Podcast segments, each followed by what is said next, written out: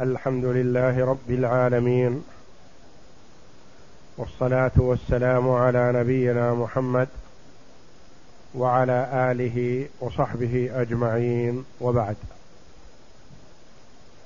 قال المؤلف رحمه الله تعالى باب الجد والإخوة.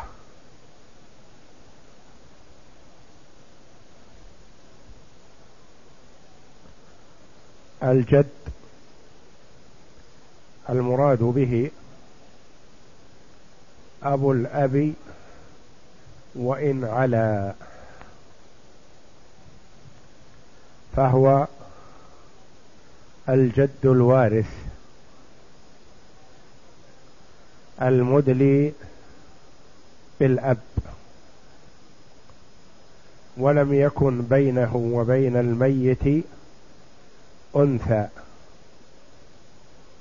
فإن كان بينه وبين الميت أنثى يسمى الجد الفاسد يعني لا ميراث له. وذلك كأب الأم. وأبي أم الأب. وأبي أم الجد. وهكذا. فمن كان بينه وبين الميت أنثى فليس مرادا هنا. وإنما المراد أبو الأب بمحض الذكور. وإن علا.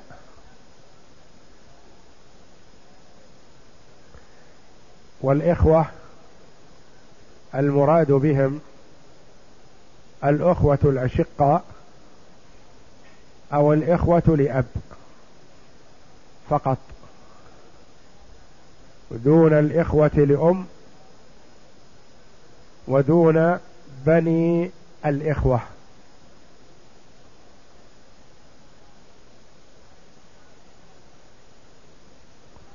والجد تقدم ميراثه إذا كان مع غير الإخوة فإنه يأخذ السدس مع الفرع الوارث. فإن بقي شيء أخذه تعصيبا. فهو يرث بالفرض تارة وبالتعصيب تارة ويجمع بينهما تارة.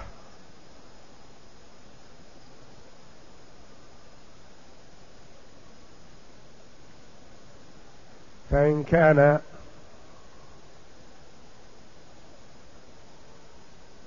وحده ولم يوجد أب ولا جد أقرب منه ولم يوجد فرع وارث فإنه من العصبة. فإن وجد فرع وارث أخذ نصيبه السدس فرضا وأخذ الباقي مع إناث الولد تعصيبا.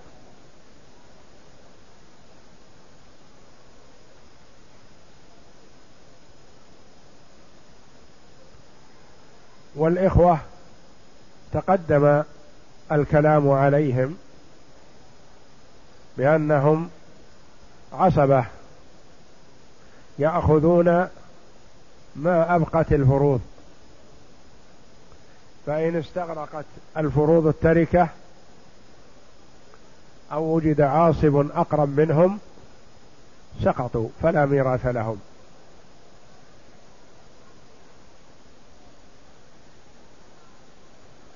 وكل من الجد والإخوة تقدم الكلام عليهم. وهنا في حال اجتماعهم. إذا اجتمع في المسألة الواحدة جد من جهة الأب وإخوة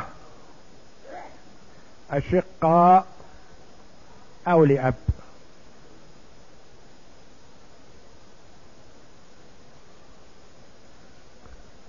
في هذه المسألة اجتماع الجد والإخوة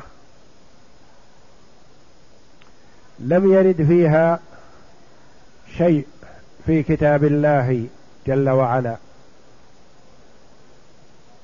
كما لم يرد فيها شيء في سنة رسول الله صلى الله عليه وسلم. اذا آلت إلى اجتهاد الصحابة رضي الله عنهم وأرضاهم. لأنه ما من مسألة إلا ولها حل في الشريعة الإسلامية. ما يقال هذه لا حل لها أو لم نتناولها الشريعة لا. الشريعة الإسلامية ما تركت صغيرة ولا كبيرة إلا بينت حكمها وعالجتها. إما بنص صريح في الكتاب أو السنة وإما بعمومات يجتهد في إيضاحها أهل العلم من الصحابة فمن بعدهم رضي الله عنهم.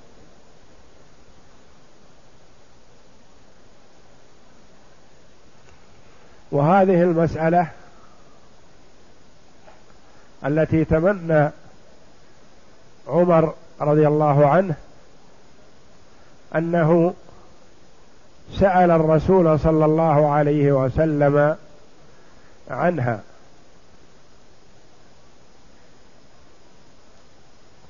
ولهذا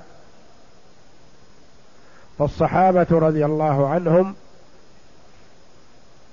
ومن بعدهم كانوا يتحرجون من الفتيا في الجد والإخوة.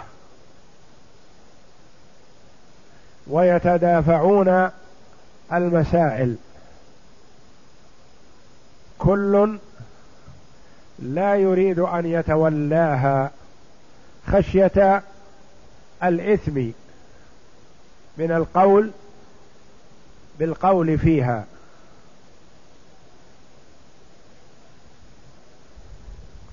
ولهذا رؤي عن بعض السلف أنه قال أجرأكم على قسم الجد أجرأكم على النار.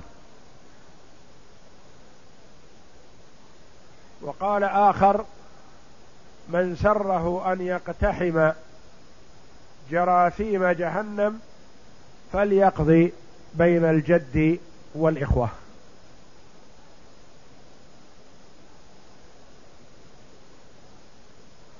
ولهذا افترق الصحابة رضي الله عنهم واختلفوا فيها. فلأبي بكر الصديق رضي الله عنه وجمع من الصحابة قول ولزيد بن ثابت وابن مسعود وغيرهم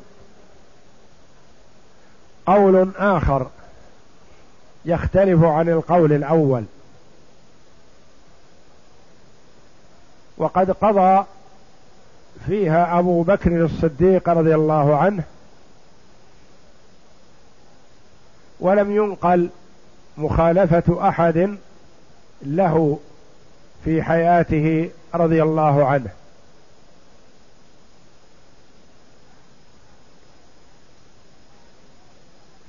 وقضى فيها زيد وقضى فيها علي بن أبي طالب وقضى فيها عبد الله بن مسعود رضي الله عنهم بأحكام اختلفت عن حكم أبي بكر الصديق رضي الله عن الجميع.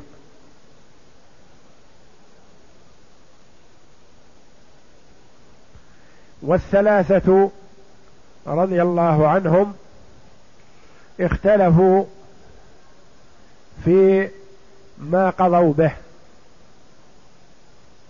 علي وزيد وابن مسعود رضي الله عنهم. فالمسألة من المسائل المحرجة والتي يتوقف المفتي ويتحرج من القول فيها.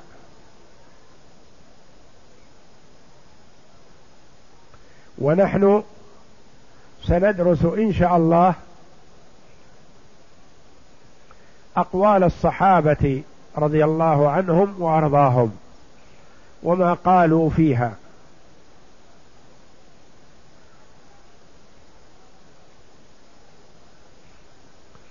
اولا قول أبي بكر الصديق رضي الله عنه.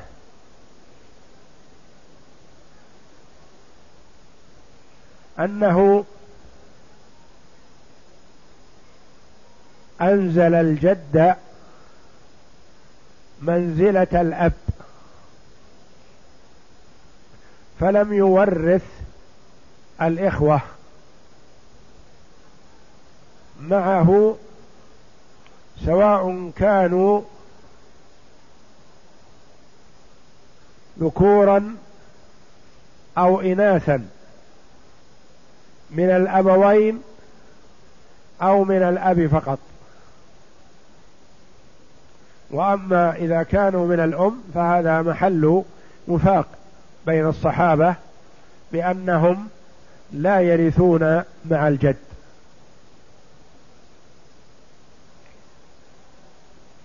اذا القول الأول قول أبي بكر الصديق رضي الله عنه وقال به كما قال العلماء بضعة عشر من الصحابة. رضي الله عنهم. وقال به جمع من التابعين فمن بعدهم. فهو مذهب أبي حنيفة ورواية عن الإمام أحمد. وقال بها بعض من علماء المذهبين الشافعي والمالكي. وقال بها شيخ الإسلام ابن تيمية رحمه الله وتلميذه ابن القيم رحمه الله والإمام المجدد الشيخ محمد بن عبد الوهاب رحمه الله. وأفتى بذلك أحفاده من بعده.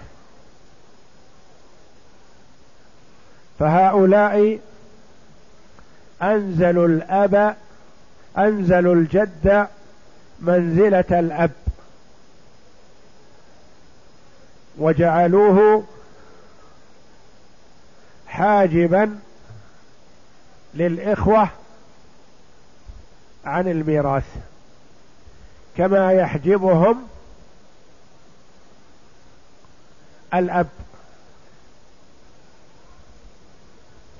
يعني في باب حجب الأخوة لا في كل شيء كما سيأتينا.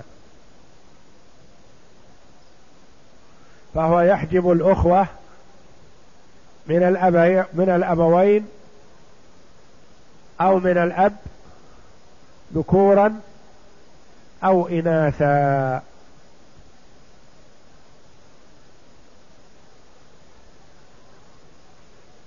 وهذا القول يقويه عموم الأدلة لا نص الأدلة بل عمومها لأنه لو أيدها نص الدليل ما التفت إلى غيره.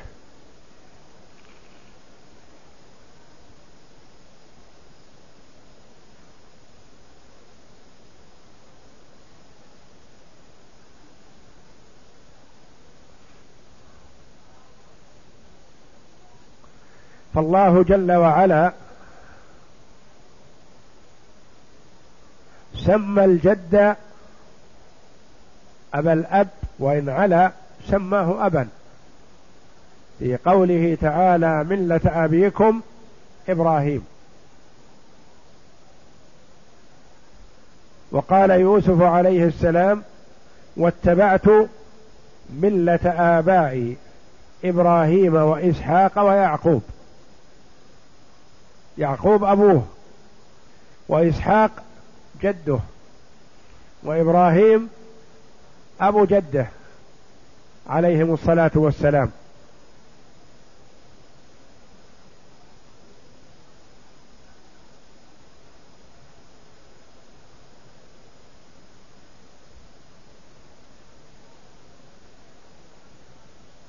إذن فالقول الأول قول أبي بكر الصديق رضي الله عنه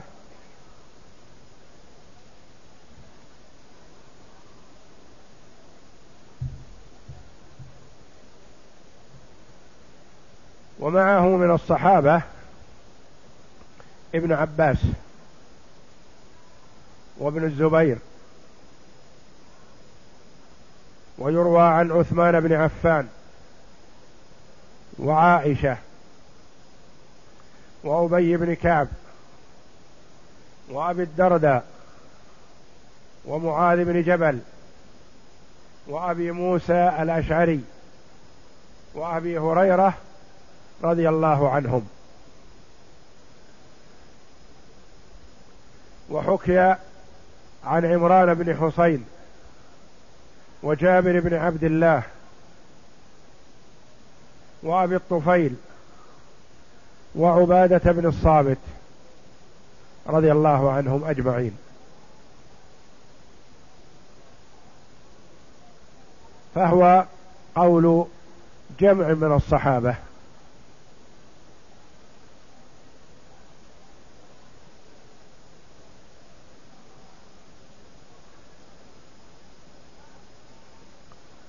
القول الثاني سيأتينا إن شاء الله في الدرس القادم.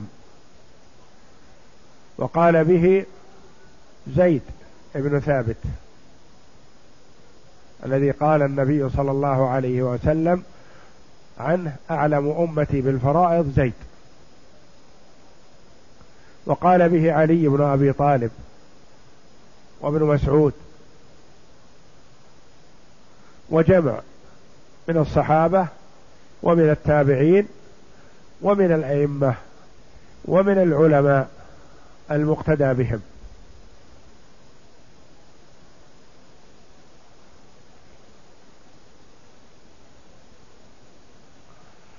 ويروى عن ابن عباس رضي الله عنهما أنه قال ألا يتق الله زيد؟ يجعل ابن الابن ابنا ولا يجعل أبا الأب أبا.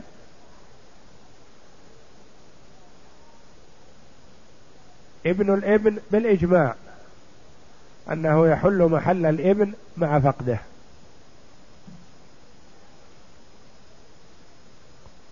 وأبو الأب هذا الخلاف فيه.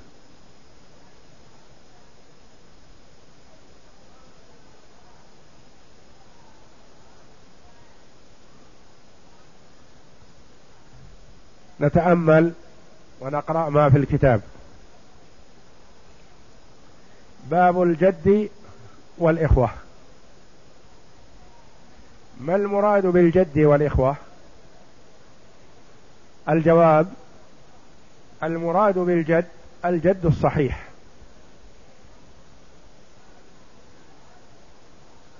لأن عندنا جد صحيح وجد فاسد. صحيح هو ما كان من قبل الأب بمحض الذكور. والفاسد ما كان من قبل الأم أو من قبل الأب بينه وبين الميت أنثى. كأبي أم الأب وأبي أم الجد.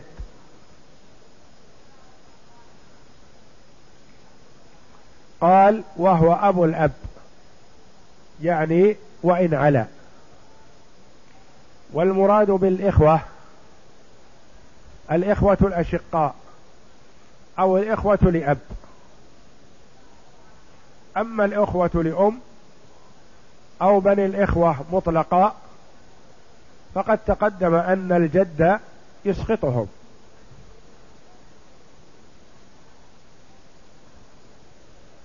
الجد يسقط الإخوة لأم ويسقط بني الإخوة.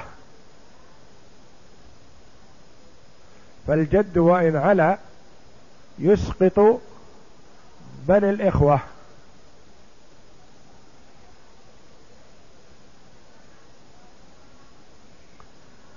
قال ما الحكم إذا اجتمع الجد والإخوة؟ الجواب لم يرد في باب الجد والإخوة نص من كتاب ولا سنة ولهذا اختلف العلماء في ذلك. فمذهب أبي بكر الصديق وابن عباس وبضعة عشر من أصحاب رسول الله صلى الله عليه وسلم. أن الجد كالأب فيحجب الإخوة مطلقا. فمثلا هلك هالك عن جد وثلاثة إخوة أشقاء. المال للجد. هلك هالك عن جد وأخت شقيقة. المال للجد. هلك هالك عن جده وثلاثة إخوة لأب. للجدة السدس والباقي للجد.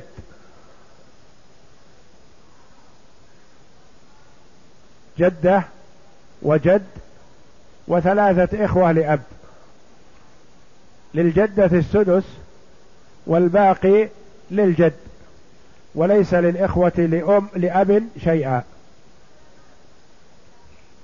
هلك هالك عن أم وأخت شقيقة وجد للأم الثلث. للأم الثلث وللجد الباقي وليس للأخت الشقيقة شيء. على مذهب أبي بكر الصديق ومن معه من الصحابة رضي الله عنهم. يقول أن الجد كالأب فيحجب الإخوة مطلقا. وهو مذهب أبي حنيفة. ورواية عن أحمد.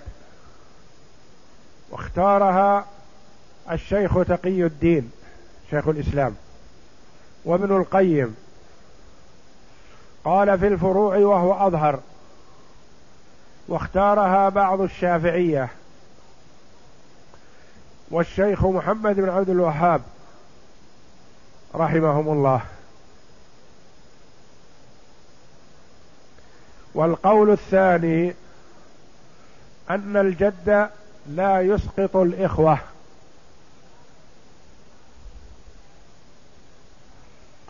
وبه قال كثير من الصحابة منهم علي بن أبي طالب. وابن مسعود وزيد بن ثابت رضي الله عنهم.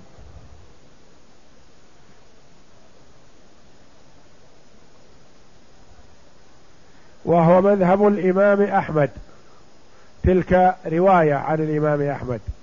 وهنا هذا هو المذهب. والإمام الشافعي والإمام مالك. وقاله جمع من التابعين. وهو المشهور عن أحمد.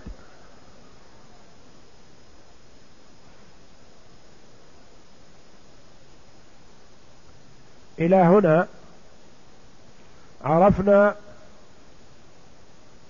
اختلاف الصحابة رضي الله عنهم والأئمة الأربعة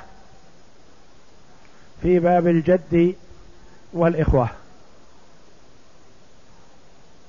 واختلاف التابعين فمن بعدهم.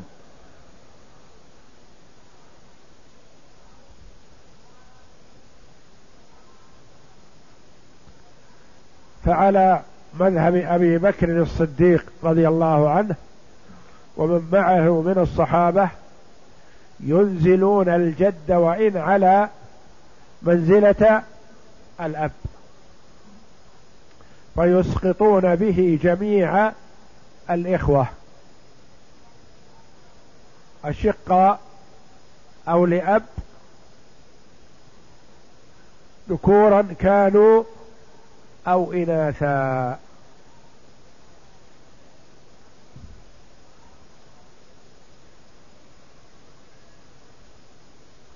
وسيأتي إن شاء الله الكلام على المذهب الثاني مذهب كثير من الصحابة والأئمة فمن بعدهم.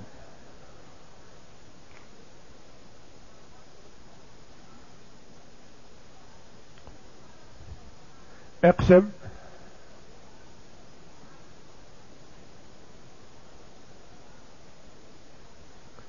هلك هالك عن أم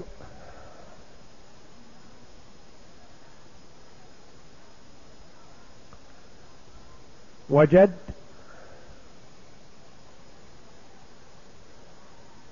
وأخت شقيقة على مذهب أبي بكر الصديق رضي الله عنه.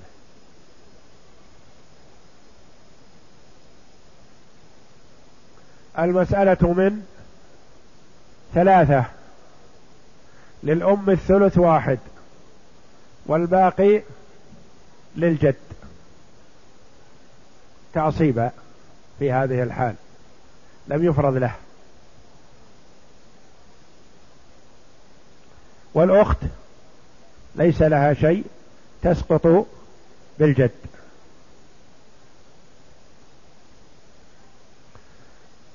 هلك هالك.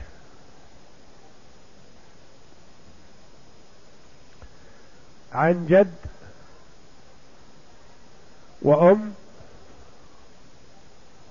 وأخ شقيق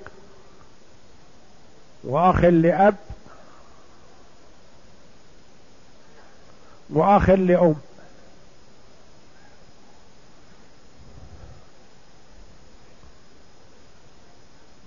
على مذهب أبي بكر الصديق رضي الله عنه.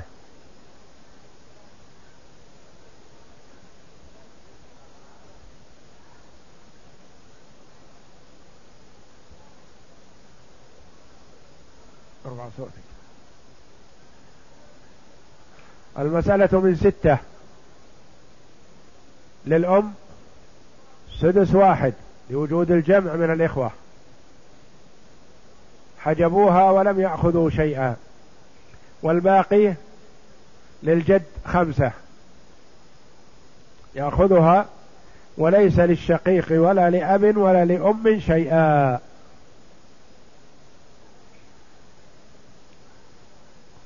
والجد عد الإخوة على على الأم حجبوها من الثلث إلى السدس ولم يأخذوا شيئا.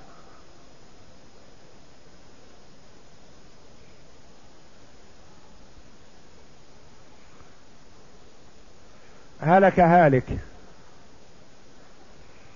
عن زوج وجد وثلاثة إخوة أشقاء.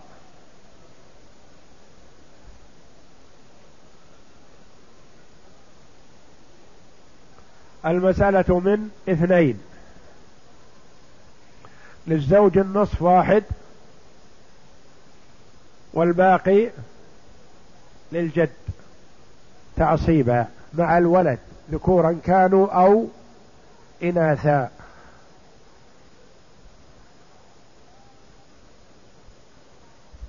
ومع الإناث يأخذ ما أبقت الفروض تعصيبا. ومع الذكور يأخذ فرضه السدس.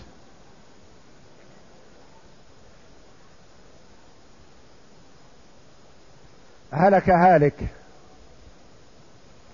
عن ابن وجد وثلاثة إخوة أشقاء المسألة من ستة. للجد السدس واحد. والآباقي للابن تعصيبا. هذا على مذهب من؟ عموم المسلمين.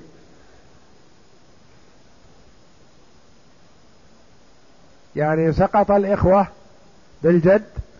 لا. سقط الإخوة بالابن وهذا بالإجماع. هلك هالك.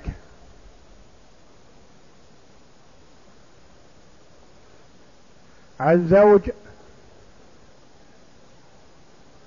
وابن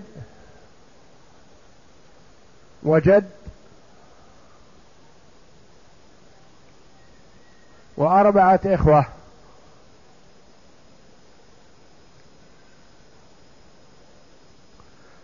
زوج وابن ابن وجد وعد ما شئت من الإخوة.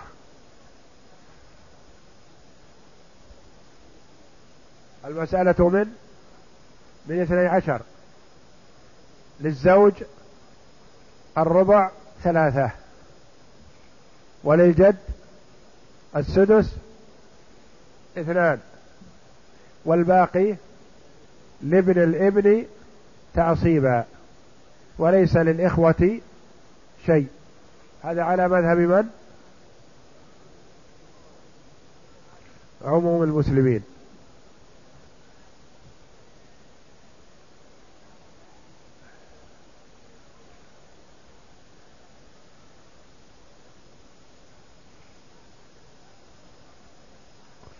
هلك هالك.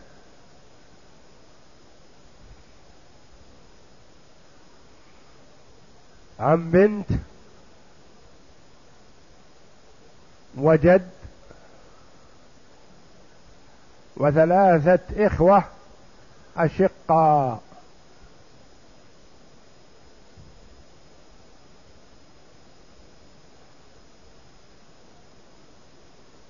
المسألة من ستة. للبنت النصف ثلاثة. وللجد السدس واحد. فرضا. ويبقى عندنا اثنان. على مذهب أبي بكر الصديق رضي الله عنه يأخذها الجد تعصيبا.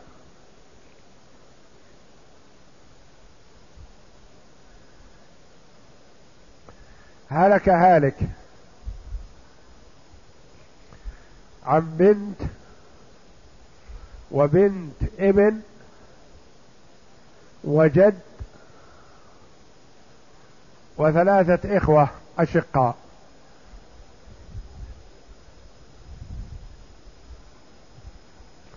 المسألة من ستة. للبنت النصف ثلاثة. ولبنت الابن السدس تكملة الثلثين. وللجد السدس واحد تعصيبا. واحد فرضا.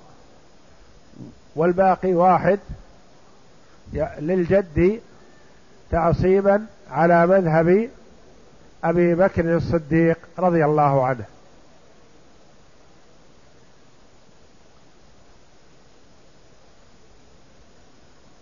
هلك هالك.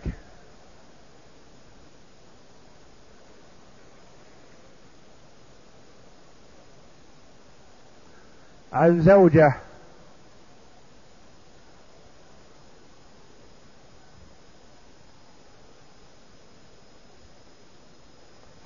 وأخت شقيقة. وجد.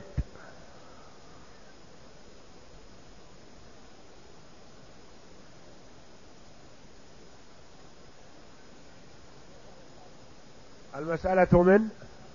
من أربعة. للزوجة الربع واحد والباقي للجد. وتسقط الأخت الشقيقة على مذهب أبي بكر الصديق رضي الله عنه.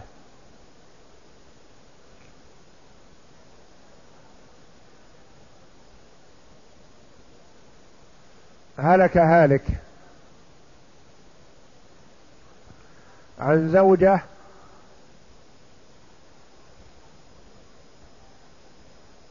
وبنت. وبنت ابن. وأختين شقيقتين وجد.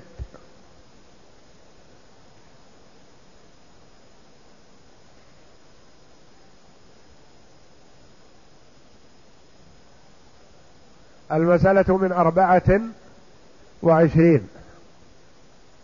للبنت النصف اثنى عشر. ولبنت الابن السدس تكملة الثلثين. أربعة. اثنى عشر وأربعة ستة عشر. وعندنا جد وأختان شقيقتان.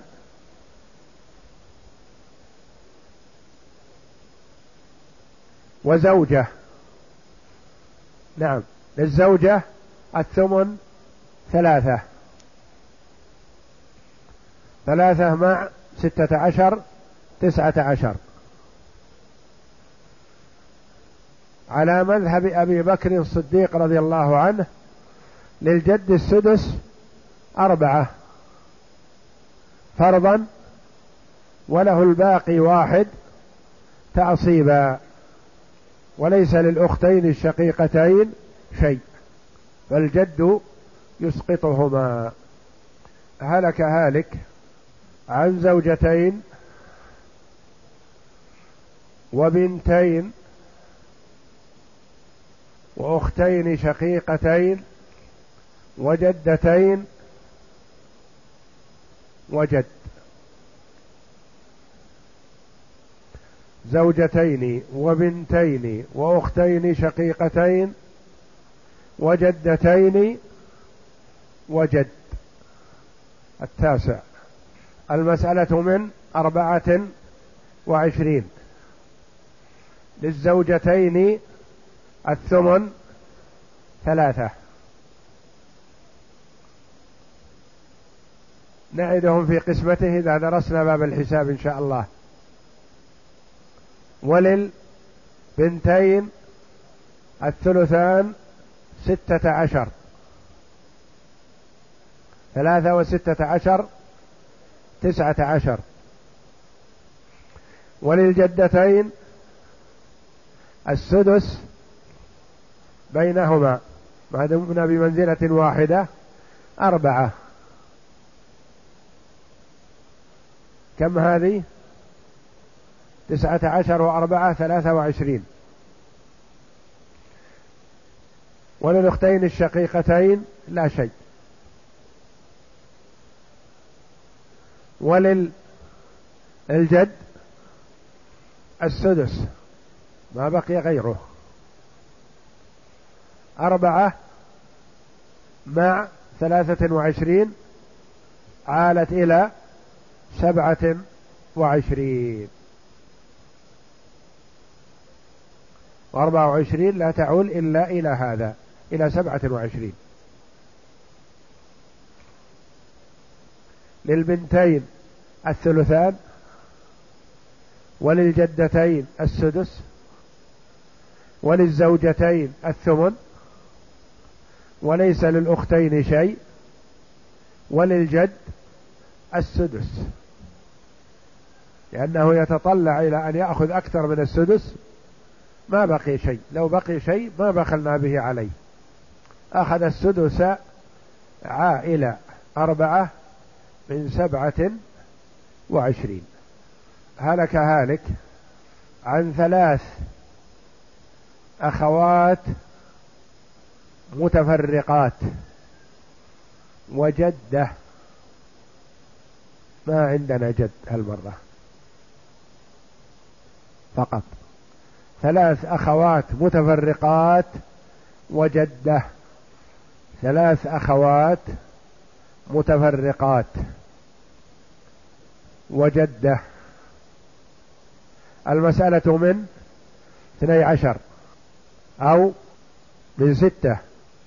المسألة من ستة. للجدة السدس واحد. ولثلاث الأخوات للأخت الشقيقة النصف ثلاثة. وللأخت لأب السدس تكملة الثلثين.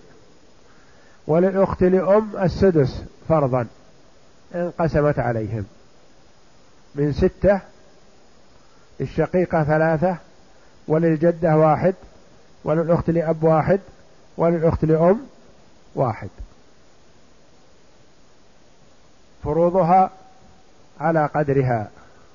لا زيادة ولا نقص. ليس فيها نقص يوجد تعصيب. وليس فيها زيادة في الفروض يكون فيها عول هلك هالك عن أب وجد وجدة وأم. عن أب وأبيه وأم وأمها. مسألة من كم؟ جلب يديك. المسألة من ثلاثة للأم الثلث واحد.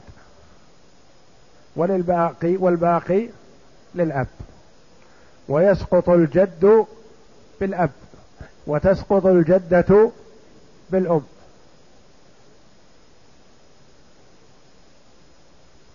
هلك هالك.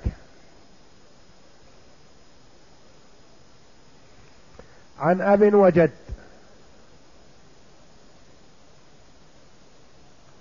وأم وجدة. وثلاثة إخوة أشقاء.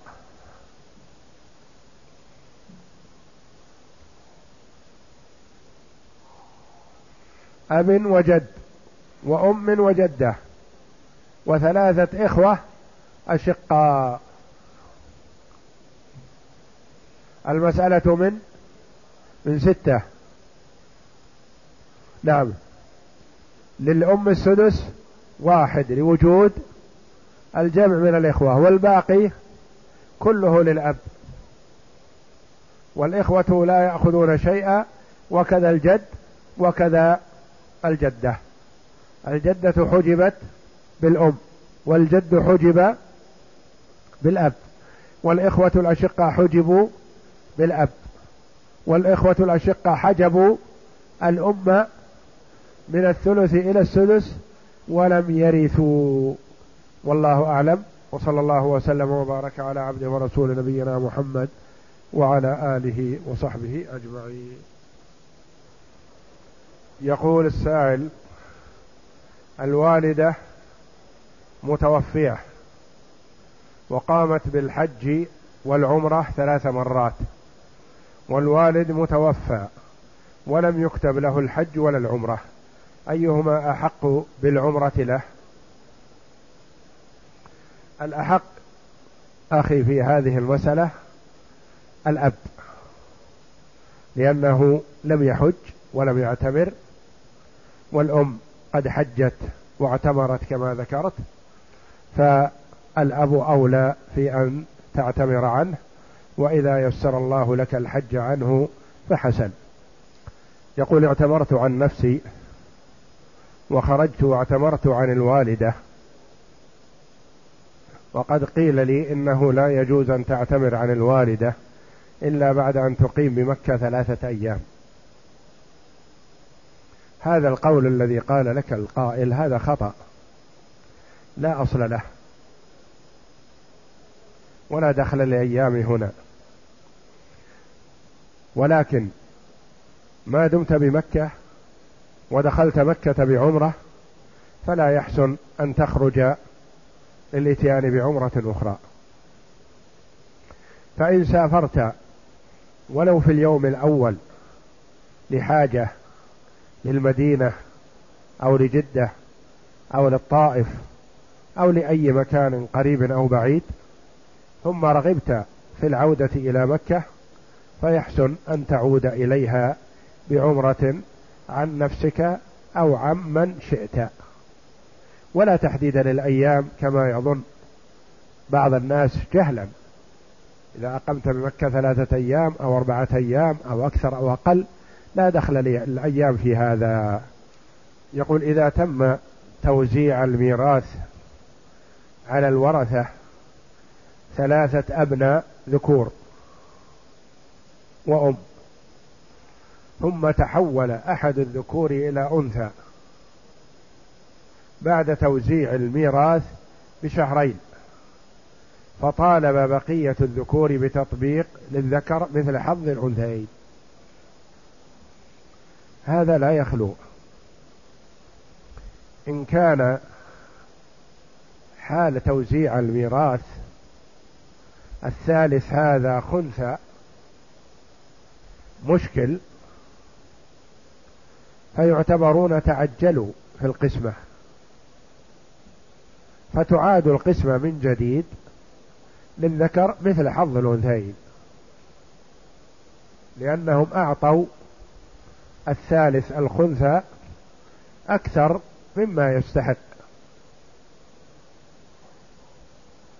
وأما إذا كان ذكرا واضحا لا إشكال فيه.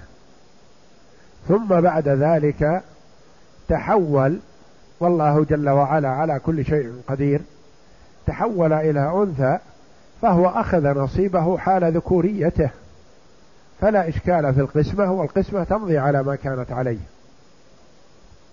لأنه لا يخلو إن كان خنثى ثم تبين بعد شهرين فتعاد القسمة. وإن كان ذكرا واضحا لكنه تحول فيما بعد بإذن الله فهو أخذ نصيبه حال الذكورية فلا يلتفت لما طرأ بعد ذلك. يقول الأخ يقول أحدهم المهم في الدين ألا تشرك بالله ولا تظلم الناس. ويكون أملك في الله قوي بأن يغفر الله لك. فهل يعتبر كلامه هذا صحيح وحق أم لا؟ أقول هذا كلام مجمل. يحتمل أن يكون حق وأن يكون باطل. إذا اجتنبت الشرك بالله وامتثلت الأوامر والتكاليف الشرعية. واجتنبت المحرمات أو وقعت في شيء من المعاصي فليكن أملك بالله قوي لأن الله يغفر لك. وهذا حق. وأما إذا اجتنبت الشرك بالله واجتنبت ظلم العباد لكنك ما قمت بالتكاليف الشرعية.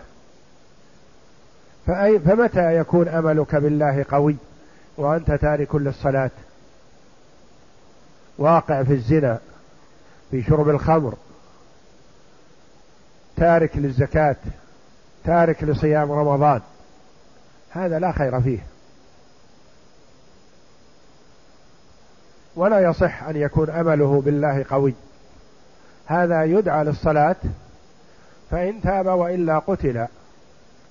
يدعى لأداء الزكاة فإن تمكن من أخذها منه بطيب خاطر وإلا قهرا وإن كان جاحدا لوجوبها كفر بإجماع المسلمين. وإن تركها بخلا يقاتل حتى يدفع الزكاة وإلا يقتل. فالذي يكون أمله بالله قوي هو من أتى بأركان الإسلام وقد يقترف شيئا من المعاصي فهو على خوف وعلى وجل وعلى ثقة بالله جل وعلا وحسن ظن بالله أن الله يغفر له. فتارك التكاليف الشرعية لا يكون على ثقة بالله أبدا. هذا يستتاب فإن تاب وإلا قتل. شخص يجتهد في تنظيف حلقة الدبر عند الاستنجاء لكنه يبالغ في ذلك فهل فعله هذا صحيح؟ المبالغة الزائدة قد تجره إلى الوسوسة والإسراف في استعمال الماء. فالتقليل في استعمال الماء مطلوب. بأن يستعمل القدر الكافي في الاستنجاء وفي غسل الأعضاء ولا يسرف ولا يبالغ. فالإسراف والزيادة واستعمال كثير من المنظفات ونحو ذلك هذا يجره إلى الوسوسة. فيصبح لا يطهر أو لا يتوقع الطهر بالاستنجاء كما يستنجي عموم المسلمين. فليجتنب الإسراف في كل شيء. ولهذا قال العلماء رحمهم الله يكره الإسراف في الماء ولو كان على نهر جار. لو كان على نهر يتوضأ من النهر فيكره أن يغسل وجهه أربع مرات. المرة الواحدة مجزئة والاثنتان أفضل من المرة والثلاث أفضل من الثنتين والأربع إسراف. وهكذا بقية الأعضاء. فالإسراف لا يجوز في استعمال الماء سواء كان في الاستنجاء أو الوضوء.